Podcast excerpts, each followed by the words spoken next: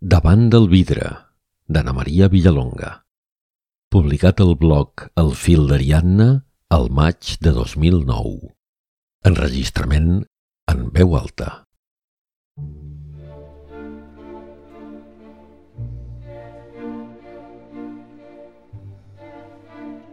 Va arribar a la ciutat quan encara era un bebè desmanyotat, de petits ullets sorpresos i nassarró rosat.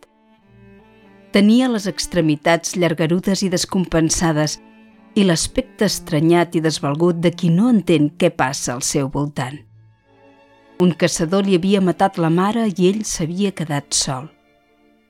Els diaris se'n van fer un ressò enorme, gairebé inaudit. Al cap i a la fi, la troballa era realment insòlita. La premsa internacional va escampar ràpidament la notícia i molt aviat esdevingué un fenomen conegut arreu del món. Durant un any va viure a casa del seu veterinari. Era molt petit i estava desorientat. Allà el tractaven molt bé, com si fos un membre més de la família. L'estimaven, l'alimentaven, l'abraçaven. Però va arribar un moment que fou impossible continuar amb aquella vida. Havia crescut massa i necessitava una llar diferent. El van portar al zoo i de seguida va esdevenir l'emblema de la ciutat – l'enveja dels zoològics de la resta del planeta. No era estrany. Es tractava d'un espècimen únic, irrepetible, una meravella de la natura. Se'n van imprimir postals, se'n van fabricar ninots de peluix, va aparèixer repetidament a tots els mitjans de comunicació. Gernacions de gent el visitaven a diari, el fotografiaven, l'observaven embadalits. Els veterinaris i els encarregats de la seva comoditat s'hi van volcar. Sempre li van proporcionar unes instal·lacions privilegiades, una alimentació ben equilibrada per preservar-li la salut i el bon estat físic, una dedicació especial. Era una estrella, un símbol. Però de seguida va sorgir la vena científica. Calia estudiar-lo.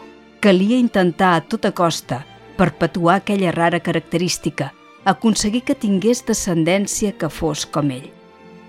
Els veterinaris sabien que es tractava d'un repte difícil en el cas d'un gen recessiu, però no podien llançar la tovallola. Amb aquesta finalitat, el van ajuntar amb moltes parelles al llarg de la seva vida. Va tenir un munt de fills, però mai no va néixer l'esperada rèplica. Aleshores van provar de creuar-lo amb les seves primeres filles – Tal vegada l'endogàmia aconseguiria la desitjada fita. Tampoc no va ser així. Ni fills ni nets. Continuava sent únic. Va passar la vida davant d'un vidre, exposat a la mirada indiscreta de tots nosaltres. De vegades es girava d'esquena, cansat. De vegades s'enfurismava, s'amagava molt aviat dins la seva cova.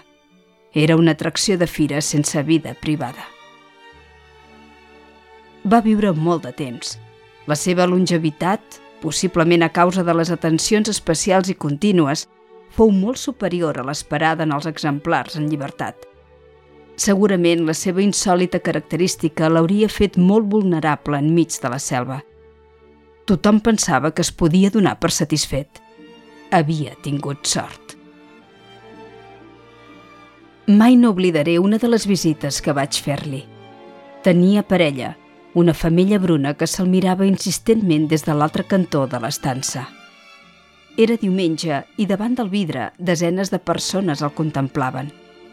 Desenes de càmeres fotogràfiques que l'apuntaven i l'enlluernaven amb la llum del flaix.